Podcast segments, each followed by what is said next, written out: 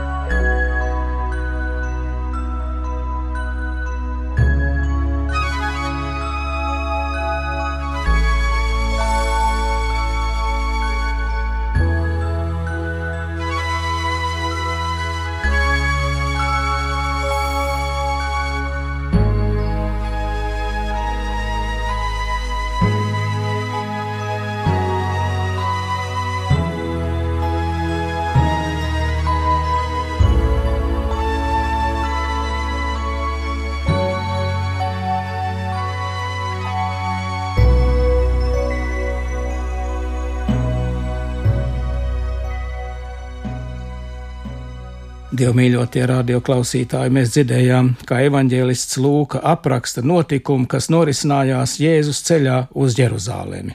Tas bija Jēzus pēdējais ceļš uz Jeruzālemi. Tur viņš tika nodots, apspiesti, mocīts un sists krustā. Bet šajā pēdējā ceļā vēl daudz kas notiek. Jēzus nāk no Galilejas. Ceļā uz Jeruzālemi viņam ir jāiet cauri Samarijai, un kādā ciemā starp Galileju un Samariju viņam pretī nāk desmit spitālīgi, jeb lepra slimnieki.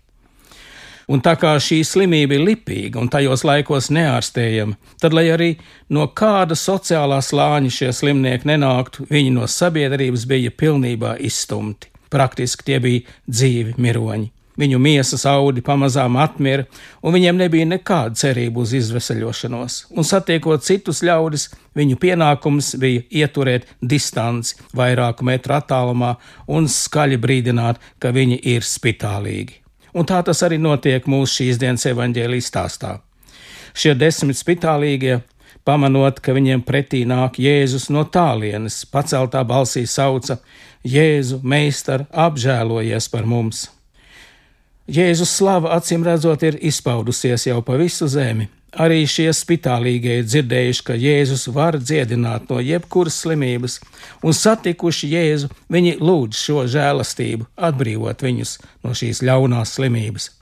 Un Jēzus par viņiem iežēlojas un saka: Ejiet, rādieties priesteriem!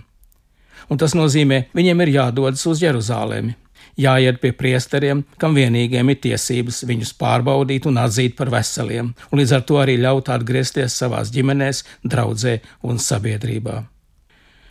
Un vēl ceļā esot, viņi pamana, ka kļuvuši veseli no savas kaitas. Ko visi dziedinātie tajā brīdī dara, evaņģēlijā nav sacīts, bet runa ir par vienu, par kādu sveštautieti, samarieti kas ar pateicības pilnu sirdi nāk atpakaļ pie Jēzus, lai viņam pateiktos, lai dotu viņam godu.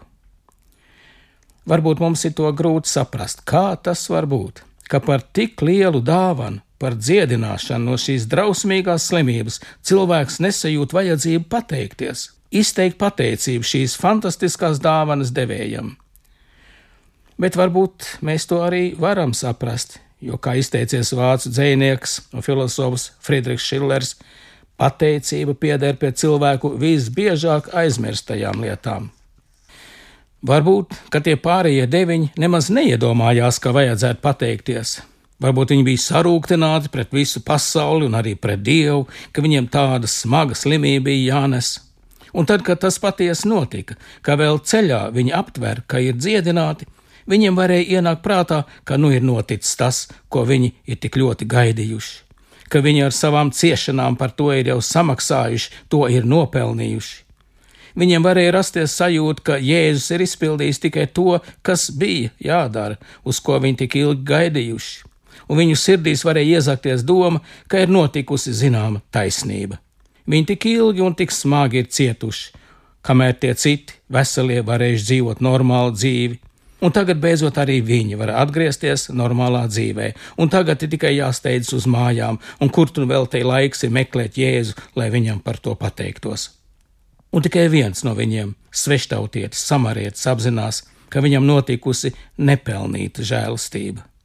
Tikai viņam vienam sirdī rodas vēlēšanās no sirds pateikties par to dievam.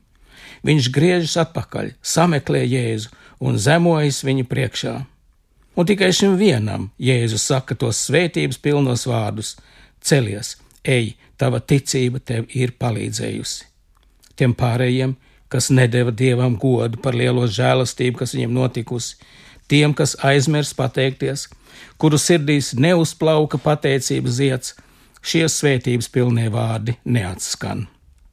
Kā izsakās vācu teologs moceklis Dietrichs Bonhefers, tiem deviņiem lai arī saņēmuši miesas dziedināšanu, patiesībā nav palīdzēts, jo nepateicība noslāpē ticību, nepateicība bloķē ceļu pie dieva, nepateicība rada neapmierinātību, īgnumu, skaudību, rūkumu, dusmas. Un tas viss grauj dzīves prieku un ved cilvēku postā, neskatoties uz to, cik viņš ir vesels, cik viņš ir turīgs, cik viņam patiesībā labi klājas tik tālu Bonhēfers. Tad nu neizdarīsim arī mēs tādu kļūdu. Neaizmirsīsim Dievam pateikties par viņa žēlastību, ko saņemam ik brīdi. Neaizmirsīsim viņam pateikties par katru dienu, par katru brīdi, ko viņš no savas žēlastības ļauj mums piedzīvot. Jo tikai pateicībā mēs kaut cik varam apjaust, cik daudz Dievs mums ir devis, cik daudz Viņš mūsu labā ir darījis. Es tev pateicos, ka esmu tik brīnišķīgi radīts, brīnišķīgi tavi darbi. Mana dvēsele to labi zina, tā izsaucas dziesminieks 139. psalmā.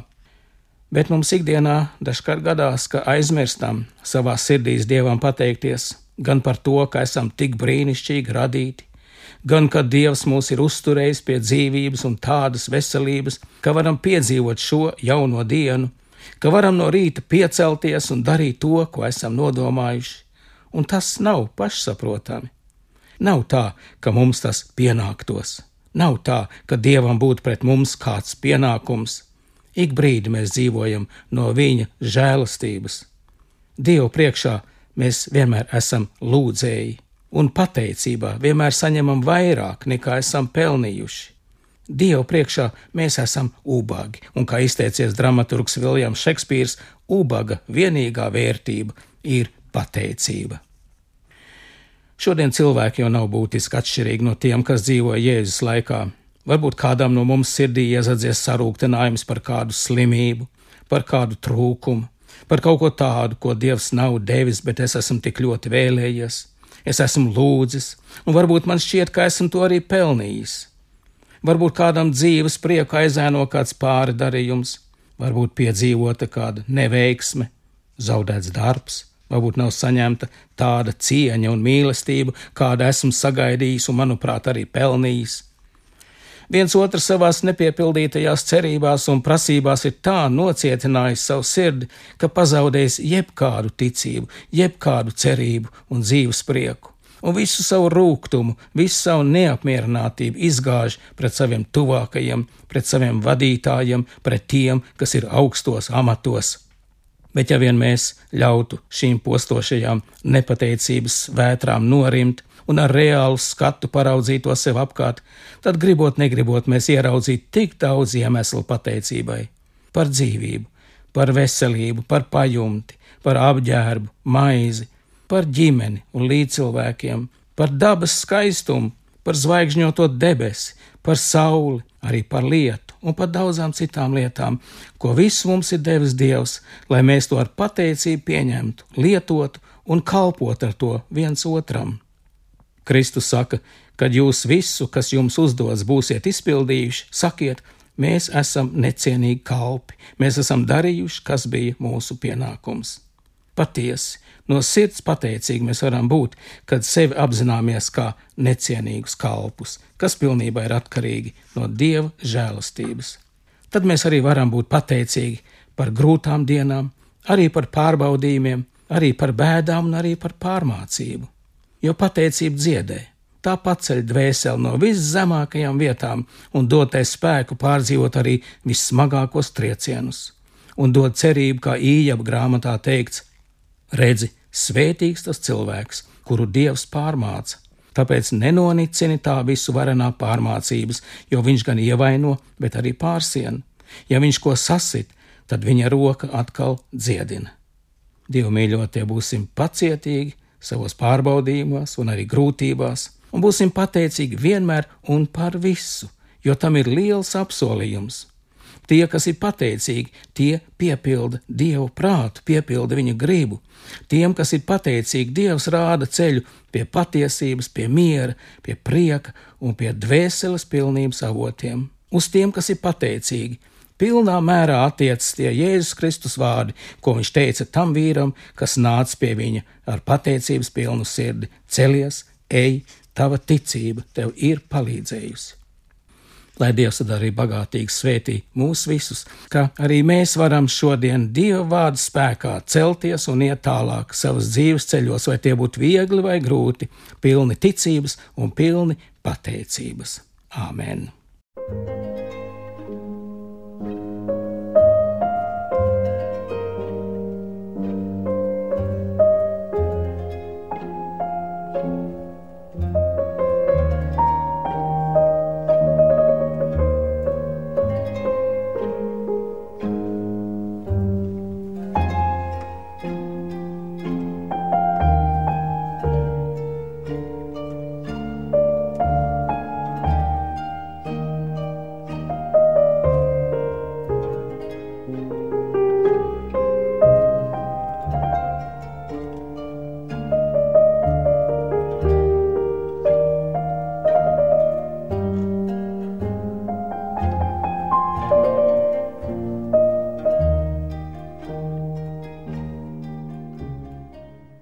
Lūksim, Dievs, Kungs, debes Tēvs, mēs Tev pateicamies, ka Tu esi mūs atkal atspirdzinājis un esi stiprinājis ar savu svēto evaņģēliju.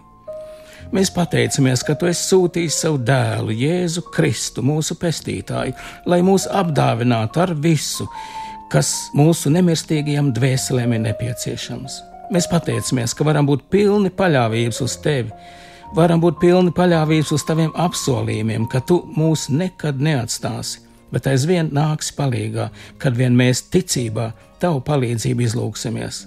Tad nu mēs lūdzām tevi, kungs, esi mums žēlīgs, stiprini un svētī katru no mums. Palīdz piecelties tiem, kas pakrituši, dziedini tos, kam vajadzīga dziedināšana, atmodina jaunas cerības tiem, kam tās ir zudušas, vairo mums visiem dzīvu ticību Īpaši mēs lūdzamies par tiem, kas tevi vēl nepazīst. Atver viņu sirdis tavam vārdam un dāvini mūžīgās dzīvības cerību caur tavu mīļo dēlu, Jēzu Kristu, kura vārdā mēs visi tā lūdzamies. Mūsu Tēvs debesīs, svētīts lai top tavs vārds, lai nāk tava valstība, tavs prāts, lai notiek kā debesīs, tā arī virs zemes. Mūsu dienascho maizi dod mums šodien un piedod mums mūsu parādus, kā arī mēs piedodam saviem parādniekiem. Un neieved mūsu kārdināšanā, bet atpestī mūs no ļaunā. Jo tev pieder valstība, spēks un gods mūžīgi mūžos. Āmen!